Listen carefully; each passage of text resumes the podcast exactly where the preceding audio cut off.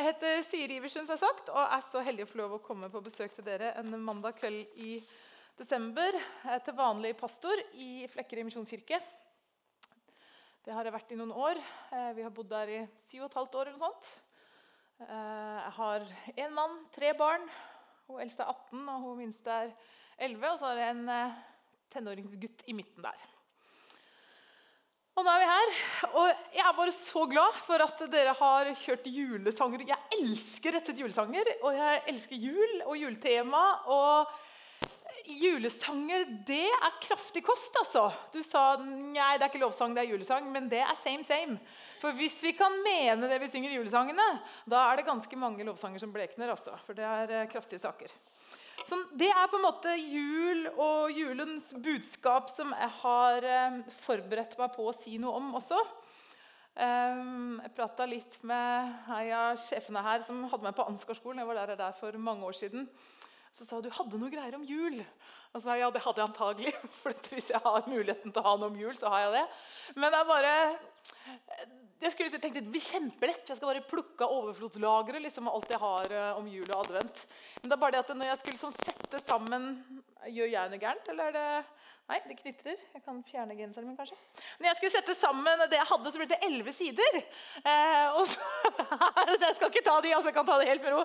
Jeg har fått veldig strenge regler, og det er veldig nøye på timing og tider og minutter og sånn på. Eh, men juleevangeliet og julens budskap fascinerer meg veldig, inspirerer meg og berører meg og utfordrer meg. Og jeg er 45 år nå, og jeg har levd med juleevangeliet om Jesus så lenge jeg kan huske. rett og slett. Eh, men de siste jeg tror jeg regner tilbake at det er de siste 25 årene så har jeg hatt det sånn at hver jul, eller hver advent, så er det liksom et aspekt ved julens budskap som blir denne julens takeaway. Skjønner du? Det er som Hver jul så har det vært et eller annet som har stått ut, som har blitt the budskap for advent det året. Jeg kan forklare at Det begynte egentlig helt tilbake når var pastor, jeg var pastor på Holmlia. begynte som 21-åring. Det er viktig å begynne tidlig. Eh, Holmlia i Oslo, og Da var vi ikke så veldig stor menighet. så Da var det veldig lett å, å gjøre ting som vi kunne gjøre for alle. Så Et år for eksempel, så ga vi alle en stjerne. Og Da var det stjerna som var julens takeaway. det At eh, vi kan være sånne stjerner som leder mennesker til Jesus. Ikke sant? Akkurat som stjerna var den gangen. Og Et annet år så støpte vi lys til alle medlemmer i menigheten.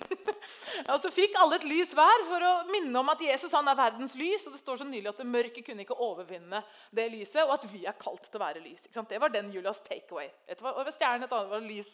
Og så var det engler. Det var ikke så ulogisk. Det var et år, så Da lagde vi engler til alle i menigheten og var rundt og delte ut. Og alle bekjente som jeg har det begynt å bli kjent med. og Det var en, det var en nabodame av meg som kom fra Mexico som eh, hadde det nokså vanskelig aleine-mamma og strevde med språk og økonomi. jeg vet ikke alt. Og så forteller Hun at hun, hadde, hun sto ved kjøkkenbordet. Altså, så hadde hun jo tatt imot Jesus. Jeg måtte løpe over i pysjen, for det var veldig akutt å måtte ta, liksom virkelig ta imot Jesus. Eh, men det var ikke alltid lett å få tak i verken behandle livet med han. Så hun hadde stått og sagt hvis du virkelig fins, altså, så kan du sende meg en engel. Og så ringer min kollega Anne Mai på døra, og så står hun 'Vi har lagd juleengler i år!' og så ble det veldig konkret. da. Det har vært den årets eh, takeaway, for jula er full. Både Den hellige ånd og englene er så i aktivitet i de første to kapitlene i Lukas. Og det er fascinerende. Vi må ikke glemme det at de, de fins, selv om ikke vi ser dem så veldig ofte. Henger dere med? Så det er liksom årets takeaway eh, de første årene jeg begynte med dette her. Men greia er den at Julefortellingen har så mange lag. og da snakker jeg ikke bare om det skjedde i de dager, jeg snakker om de to første, altså de to første kapitlene i Lukas. Du kan lese de hver dag i desember og likevel hente ut noe nytt av det. på en måte. Eh, det er så mye mørke og fortvilelse og blod, svette og tårer. Det er så mye undring og venting og forundring og mysterium. Og så er det så mye glede og lys og evighet. Det er egentlig litt sånn som livet er. Alt mulig. Derfor var det et annet år. og jeg skulle, det Årets takeaway det er, det er fantastisk. Det står i Lukas 1 eh, at det, når du skal beskrive Jesus, så står det at han skal gjeste oss som en soloppgang fra det høye. Har du lest det? Han blir altså sammenligna med en soloppgang. Og det året, da, Jeg tenkte på det hele advent. For hva er det med soloppgangen? Den kommer alltid! Hver eneste morgen så kommer soloppgangen. Uansett hvor mørkt det har vært, så kommer soloppgangen. Og den vinner alltid over mørket. Du kan ikke skru på en mørkt. liksom. Det går ikke. Er det lys, så vinner lyset over mørket. Og, sånn og, og så blir Jesus beskrevet som en soloppgang. Det er nydelig. Og en, jeg må bare stoppe, for den hele en hel preken, for det var det årets takeaway. Um, men så, for 18 år siden, så fikk vi vårt første barn. Og da kan jeg bare si at all den romantikken om å føde i en stall forsvant. Alle de julekortene hvor liksom Maria ligger der så vakkert, og så kommer det en sånn lysestråle, så er det noen kuer og noen sauer og noe esel og noe greier. Bare, altså, det er det siste du kan tenke deg på denne jord, det er å føde i en stall. Og det blei så utrolig nært for meg. Det mysteriet at når da Gud, som har vært fra evighet av, skulle åpenbare seg for vår verden så velger han å la seg føde. Altså, Jeg har gjort det tre ganger. Det, det finnes ikke romantisk. Det er blod, svette og tårer og navlestrenger og morkaker og amming og nattevåk. Altså Jeg tenker, Hadde han ingen PR-konsulent, liksom? For det siste jeg hadde tenkt på hvis jeg liksom skulle åpenbare meg for hele hel verden og la seg føde som en hjelpeløs baby og som bæsjer i bleia, og som må amme. Jesus, nemlig. Han er helt utenfor skjema. Og det er derfor altså, Juleevangeliet fascinerer meg. Og det slutter ikke å fascinere meg. Jeg må jo tale om dette hver eneste jul. Jeg er jo pastor. Og Hanna hilser inn til meg og sier mamma, hvordan kommer du på noe nytt hvert år. Og det lurer jeg jo på. Men det er bare det at det er akkurat som det er dypere og dypere og breiere og breiere helt Det nytter ikke å putte Jesus Kristus eller Gud i en boks. Født, vi vet det, men Han var født helt utenfor skjema. Ung jente utenfor ekteskap. Starta livet sitt som flyktning. Gud gjør ting eh, annerledes.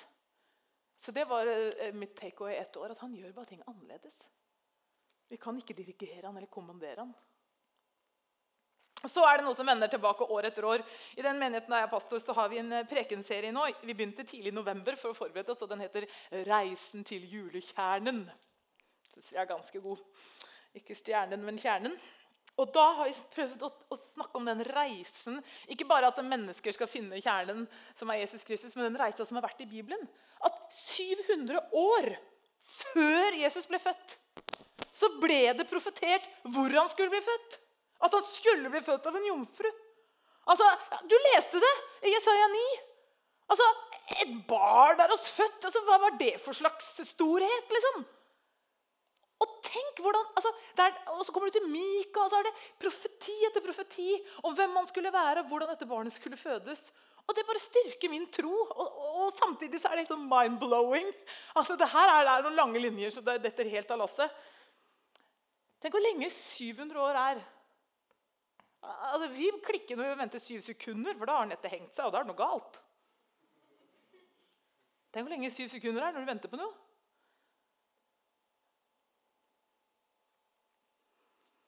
Men så står det altså Det var et annet års takeaway. da, Galaterne 4,4. Der står det I tidens fylde så sendte Gud Jesus. Det fins noe For jeg har tenkt Hvorfor akkurat der? Og hvorfor akkurat da? Og hvorfor akkurat sånn? Gud! For det fantes noe som het tidens fylde. Jeg syns det er veldig fascinerende. Henger dere med? Dere får altså 25 års uh, adventsforskning komprimert på 25 minutter. så dere må bare være, Det er veldig heldige, føler jeg. Jeg blir iallfall veldig oppmuntra av dette her. om ikke du blir det. Eh, vet ikke om dere er, Mange av dere er studenter og har sikkert lært om jeg måtte i lære om det, you have to kill your queens. Har dere lært om det når dere skriver oppgaver? Altså, det er så mange ting du må ha med, men blir for lang, og det er noen av de virkelig gode tingene du må bare kutte ut. Og Sånn har det virkelig vært i denne talen her eh, også. Men et år så var det alle disse navnene til Gud som Jesus fikk når han ble født. Han ble kalt Immanuel, og det har dere sikkert hørt mange ganger, men det betyr Gud med oss. Altså ikke Gud mot oss. Tenk Hva er det vi har å, å, formidle til de rundt oss? Gud er med deg, for deg, ikke mot deg. Eller sånn som han leste fra Jesaja 9, at han er underfull rådgiver, veldig Gud, evig far og fredsfyrste. Jeg vet ikke hvor mange juleandakter jeg hadde med de fire navnene. Og Jeg har en datter som akkurat blitt 11. Jeg vet ikke hvor mange kvelder hvor hun gruer seg til ting. For hun er sånn som gruer seg til ting. Og så må vi si nå takker vi for at Jesus er fyrsten over freden. Og så ber vi at han som bestemmer over freden, må gi fred i hjertet ditt. Han kan dessverre ikke guide deg rundt at du må ha svømming. det gruer hun seg til, eller Vi kan ikke hoppe over det, eller du må ha du, nasjonale prøver. Det, kan, han kan heller ikke love at det går veldig bra på det engang. Men han kan gi deg fred. For han er fyrsten over freden. Jeg kan ikke begynne på det, for vi er aldri ferdig på det punktet heller. Men så de siste årene og så har det endra seg litt. disse tingene. Vi begynner liksom med engler og stjerner og nesten hjerter. Og så går vi inn i fødsler, og det er helt vilt. Men så fascinerer det meg, for juleevangeliet sier så mye om så mange ting. Det sier bl.a. noe om vår, hvor forskjellige tilnærminger folk kan ha til tro. Og Det er alltid veldig spennende å snakke til en forsamling som jeg for det første nesten ikke kan se, og for det andre iallfall ikke kjenner. Og jeg vet ikke hva slags tilnærming du har til tro. Men når vi leser juleevangeliet, så finner vi iallfall to forskjellige. Og Det ene er disse vise menn. Vi vet jo hvor mange de var. Men de, hadde jo, de var jo de som var beleste. Som hadde forska og tenkt og undra og granska og fundert på stjernebilder og alt mulig rart. Og, og, og hvordan de må ha lurt Altså, Det var ikke normalt å følge etter en stjerne. Og de må ha granska, og de har brukt år på å liksom komme seg til dette Jesusbarnet. Det er én tilnærming. Jeg er sånn.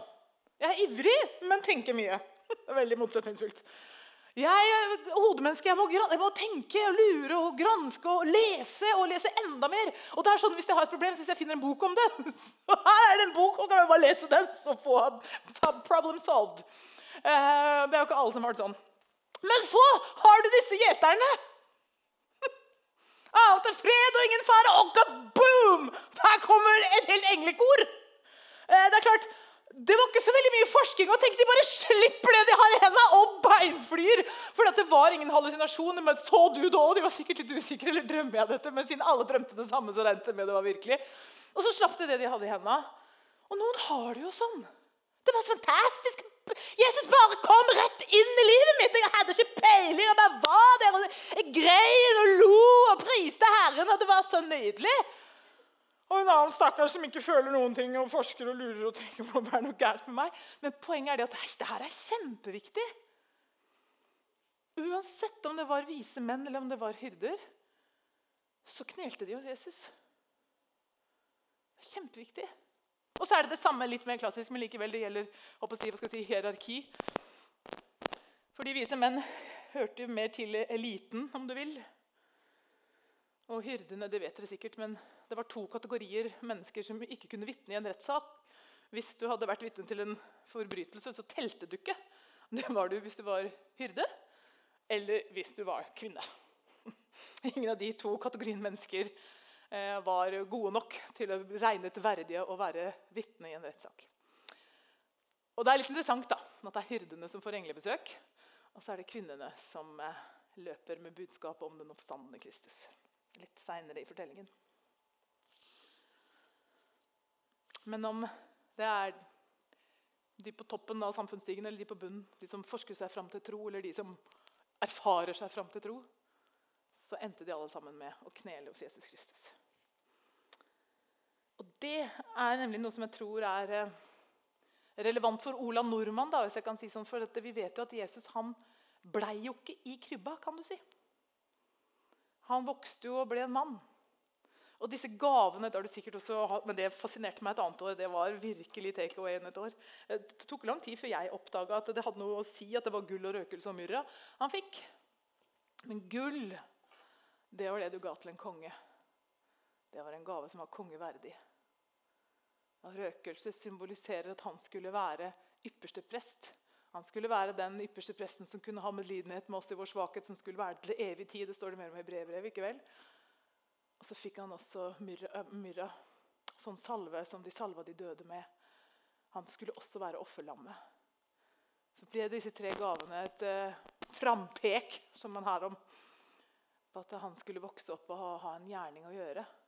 Han skulle bli konge, han skulle bli prest. Han skulle også bli offerlam. Eh, og det er han jeg må knele for. Han er ikke bare nusselige lille Jesusbarnet uskyldig i krybba som vi tar fram hver jul, men han vokste og ble en mann som hadde en stor gjerning.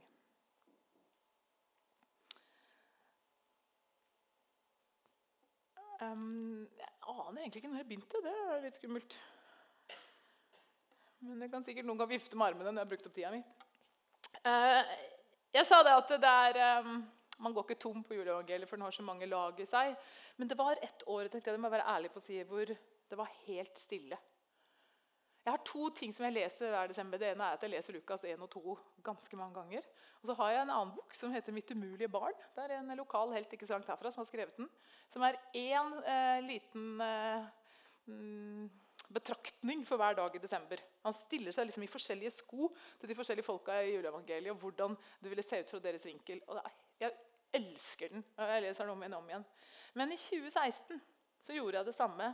Men det var det, var, den, det, året hadde pappaen min dødd. Han fikk eh, blodkreft. og Det var første jula uten pappa. Og jeg var en voksen dame med egne barn. Men da var jeg så i sørgemodus. Og jeg hørte ingenting. Og så har det nesten bygd seg opp liksom forventning i menigheten. ikke sant? Vi har julekonsert alltid hver jul, og da skal pastoren ha sin hilsen. Nå kommer årets takeaway. Og jeg bygde opp og bygde opp og fortalte om tidligere års takeaway. Og så måtte jeg bare si beklager. Men i år har jeg ikke noen. I år er det stillhet. Men jeg tror kanskje det ble den beste andakten for de aller, aller fleste. For det var ganske mange andre også som hadde mista noen, og som var i en sorgsituasjon. Så ble det også en god ting. Og det var akkurat som jeg sa i sted, dette her med at Både Den hellige ånd og englene er veldig aktive i juleevangeliet. Og det tror jeg at de er i våre liv også, selv om ikke vi alltid legger merke til det. Noen ganger kjennes det og føles og erfarer og ses veldig at det er ting på ferde, og andre ganger er det mer stille. Men det betyr ikke at ikke Gud er der. Ja, er, Dere er jo ikke akkurat en bråkete forsamling, da. Men er, dere sover ikke, liksom? Nei, Ingen amen eller halleluja liksom, eller noe sånt? Eller au, eller Nei, nei, nei. Vi gjør ikke sånn på touchpoint. Nei, nei, nei. Men dere er der. Ja, Vi har én pinsevenn i salen her. Du kan jo si hei eller oi eller noe innimellom. kan du ikke det? Da føler jeg liksom at vi snakker sammen, da. Um,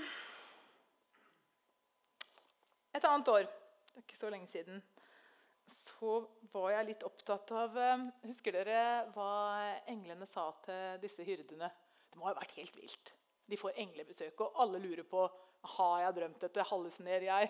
Nei, jeg kan ikke gjøre det, for vi kan ikke hallusinere det samme alle sammen. Det var engler. vi må gå og se. Men så sier engelen dere skal få et tegn. Det er fint. Jeg liker tegn. Dere skal få et tegn på at det er sant. Og hva er tegnet?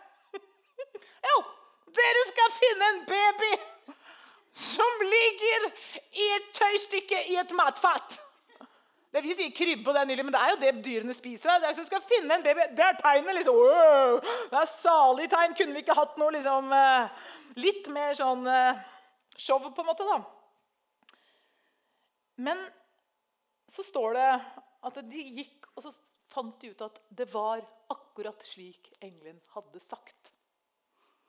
Og For meg så er det veldig viktig at jeg tror på julefortellingen ikke fordi jeg alltid føler godt, men fordi jeg tror den er sann.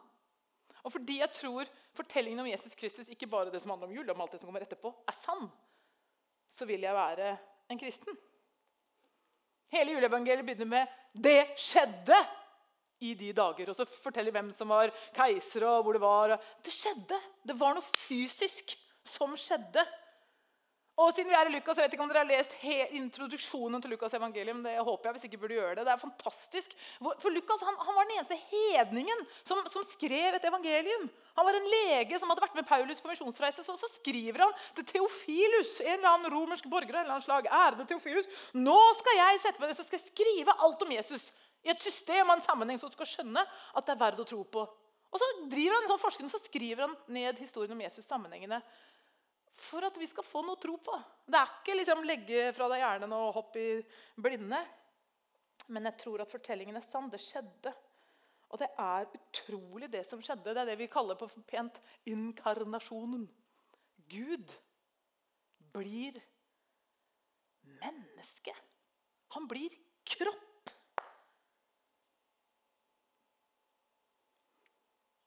Og jeg har ikke, Det er jo allerede, det er bare andre dagen i desember, så jeg har ikke, i år, årets takeaway har ikke kommet. på noen som helst måte. Men jeg begynner å lukte på noe. For vi har jo holdt på med Reisen til julekjernen en hel måned hjemme hos oss. Liksom, det er sånn pre-advent. Vi må forberede folk på at nå kommer advent. Liksom. Forberede dem på at de må forberede seg på at de må begynne å tenke på Jesus. På et vis. ja, men det er litt sånn. Desember går jo, sånn. man må virkelig lade opp i god tid hvis vi skal klare det. liksom. Men juleevangeliet er veldig fysisk. Altså, Det er en baby som blir født. Og så har vi kanskje i Vesten og i vår kristendom fort til å gjøre det litt mer sånn til en idé. Altså, Troa vår er ikke Platons filosofier eller Sokrates tanker. Henger dere med? Troen vår er ikke en idé. Den er ikke bygd på en filosofi. Men den er bygd på en person. Jesus Kristus. Og det er, noe, det er, noe, helt annet. og jeg tenker, Det er så vanvittig, det blir så veldig tydelig i jula. Det er et vannskille. Jeg snakka om de der profetiene, men det var nesten stille i 400 år. bare for å liksom markere. Det er et før og et etter. Det er en gammel pakt og en ny pakt. Jesus han er, han er bare så Han er sentrum. Han er så sentral. Jeg vet ikke om dere har hørt om, jeg har, drept, jeg har Akkurat i år så jobber jeg masse med ungdommene i menigheten. Um, og så har jeg lest om, Dere er jo studenter, så dere kan jo sånne fancy ord. Om, de, hadde, de har hatt et svært nylig nå, et forsknings, eh, forskningsprosjekt på kristne ungdommer i USA. Hvor de har intervjua hauger av ungdommer om hvordan de beskriver deres egen tro. Og ut ifra så har de kommet, på, kommet fram til et begrep som beskriver dagens unge kristne. Og som jeg er redd også gjelder mange av oss litt eh, eldre kristne òg. Og det kalles for MTDs. Er det noen som har vært borti MTD? betegnelsen? Nei? Da kan du få lære om det nå. Det er veldig interessant. Moralistic therapeutic deism. Det er kort forklart det er moralistisk og terapeutisk. Altså hvis jeg bare gjør gode greier og føler godt, da er, livet, da er, det, da er jeg kristen. Det er liksom, hvis de skal beskrive troa si, så handler det om moral. Ikke drikke så mye, iallfall. Og ikke stjele så mye, iallfall. Og ikke banne så mye, iallfall. Eh, og gjøre godt og snilt. Og så må jeg føle det godt. Moralistic, therapeutic.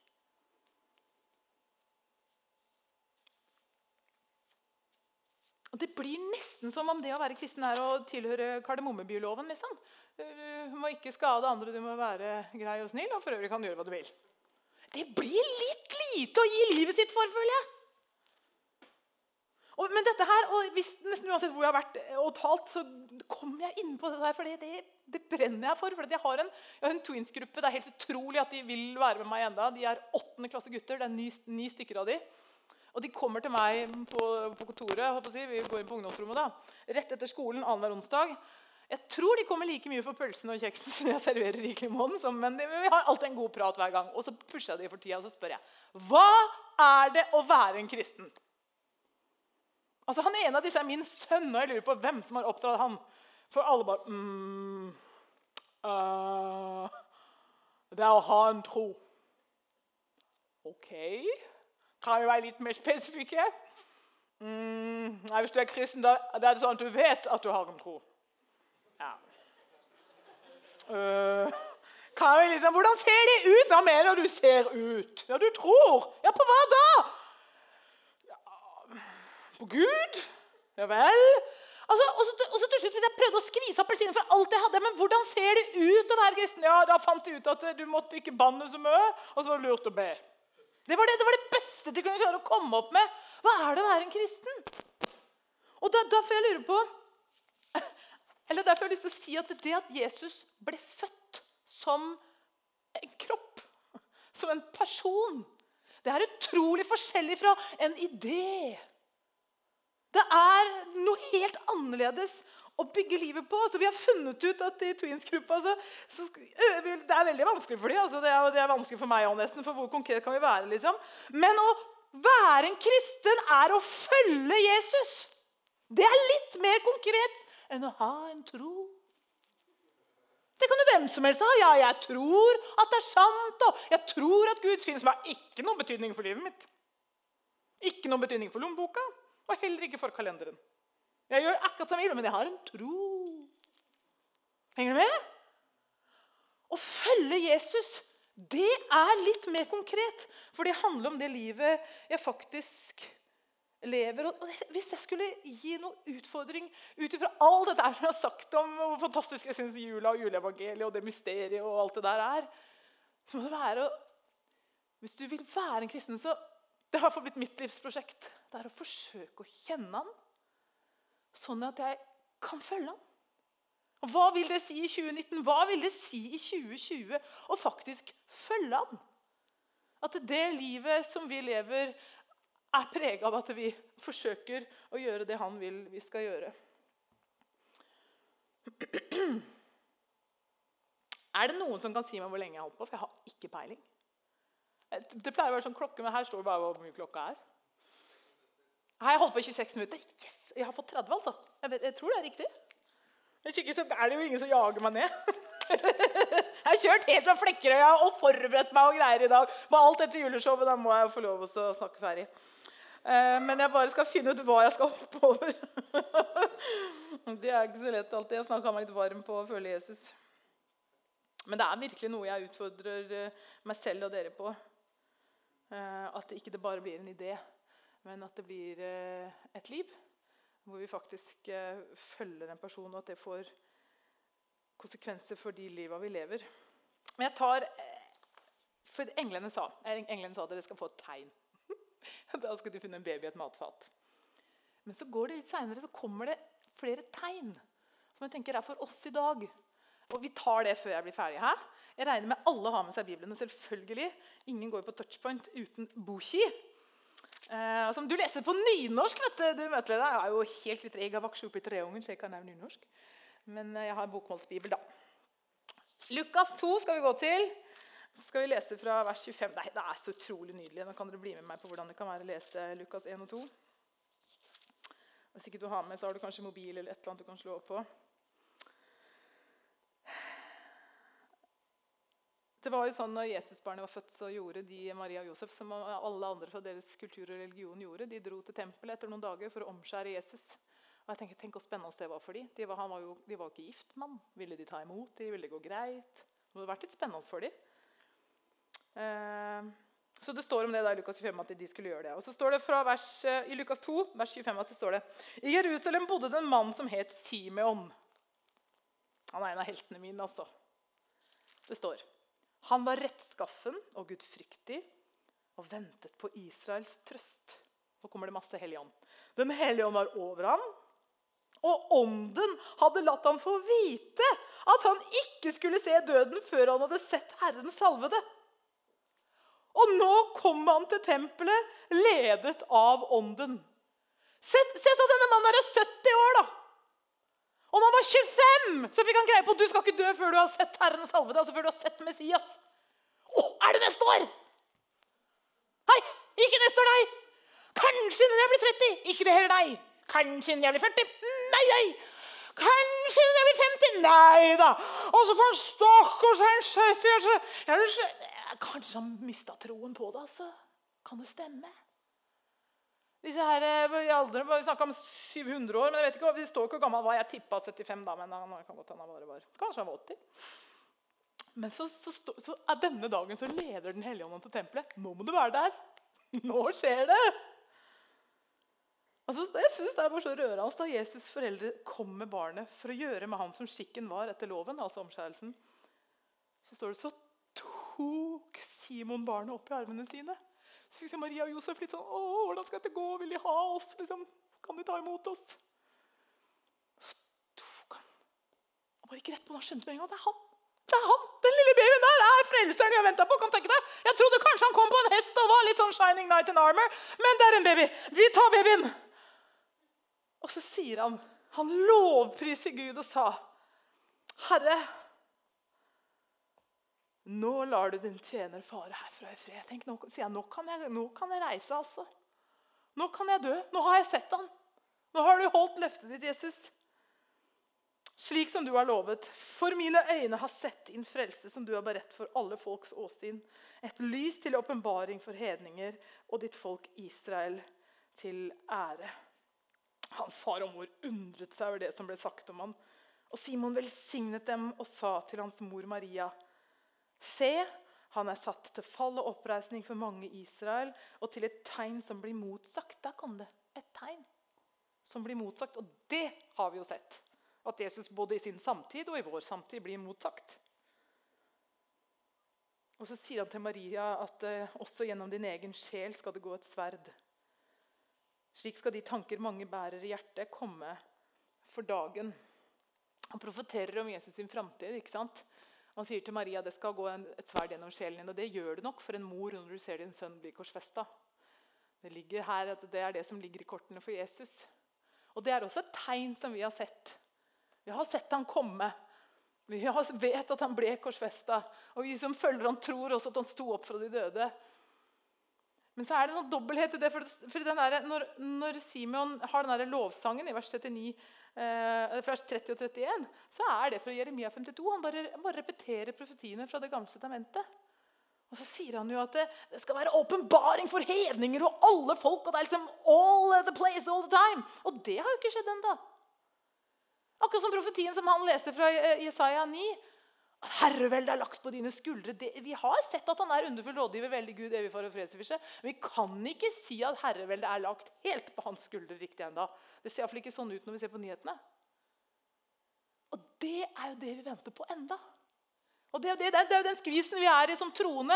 og jeg må bare legge vekk, for det, Nå har jeg mange gode vers på dem. det får jeg komme til, den skvisen får jeg komme og tale om en annen gang. Eh, men det er det som vi i teologien kaller for allerede og ennå ikke. For han som er underfull, rådgiver, veldig Gud, evig far og fredsfyrste, han bor ved troen i mitt hjerte. Og Derfor kan jeg erfare noe av det han har å by på i mitt liv. Men han har ikke trådt ut i full kraft, sånn som vi en dag vil se når han kommer igjen. Og Det er jo det som er advent. Både at vi husker at han en gang kom, og at vi lever som kristen kirke alltid med forventning om at en dag så skal han komme igjen og gjøre alle ting i rette stand. Og da kan, eller lovsangerne, da, Det er kuet. Da kan dere få lov å komme opp og gjøre dere klare. Så snakker jeg fort eh, og blir ferdig. Hopper over noe på slutten her. Men hør Hvis det å være en kristen er å følge Jesus, og hvis det å ha færre advent er å både minnes at han kom, og få leve i Lukas 1 og 2, og samtidig leve i en forventning om at han kommer igjen, da vil jo det på en eller annen måte prege og justere hva vi bedriver dagene med. Ikke vel? Um, og jeg hadde lyst til å gi dere sånn oppmuntring, da, eller utfordring, til å både kunne leve i den der samtidigheten som vi som troende lever i. Han, det er både mørke og lys. Det er både mysterium og engler. Det er både stort og lite. Er både nær og fjern. Det er, det er, så, det er et åg på hele veien å leve det spennet. Det må vi nødt til å leve, hvis ikke så snapper det for oss. Og det er allerede og ennå ikke. Og så hadde jeg lyst meg sjøl og oss alle til å bruke advent til å vente aktivt. Og jeg, med, med, å vente aktivt så jeg tenkte hvordan kan jeg illustrere det? Og den beste måten å være Det er så gøy å se dere studenter, for da husker jeg da jeg selv var ung. Og Da jeg var 21, jeg begynte på Holmlia som pastor i Oslo. Og så bodde kjæresten min i Kristiansand. Og det er jo unektelig en liten avstand. I to år. Og det som jeg gjorde da det var at veldig ofte så leste jeg Vi skrev brev den gangen. Så gammel er jeg! Jeg hadde hustelefon med tråd, og vi skrev brev til hverandre. Men da leste jeg brevene fra Espen. Jeg snakka med ham på telefonen, og ikke minst så snakka jeg om ham til andre. For han var jo så fantastisk, denne kjæresten som jeg hadde. Og når jeg visste at det nærma seg han skulle komme på helgebesøk, da vaska jeg både leiligheten og meg selv. Eh, og jeg pynta meg etter alle kunstens regler. Jeg lagde mat i gledesfull forventning for at nå skulle han komme. Men det er ikke så ulikt. Noen ganger så visste jeg det var lenge til, og da var det brev og telefon. ikke sant? Det er ikke så veldig ulikt vår relasjon til Jesus Kristus. Vi har mye bra brev vi kan lese. Og gjennom Den hellige ånd og den kontakt som vi kan få med han, så er det mye bra samtaler vi kan ha. Og ikke minst så er det ikke så veldig unaturlig å snakke om han. Jesus, altså! Det er så mye med troa vår som er så komplisert og så vanskelig å forholde seg til. Men han er veldig bra! Jesus liker de aller fleste, faktisk. Så når du får det ja, men tror du på, ja, men tror, Jeg vet ikke, men jeg liker veldig godt Jesus. Så gjør det til din person og gjør, gjør, en avtale med deg selv og kanskje noen andre i sånne grupper som dere har. At jeg skal, denne adventen her så skal jeg bli kjent med Jesus, og jeg skal følge ham.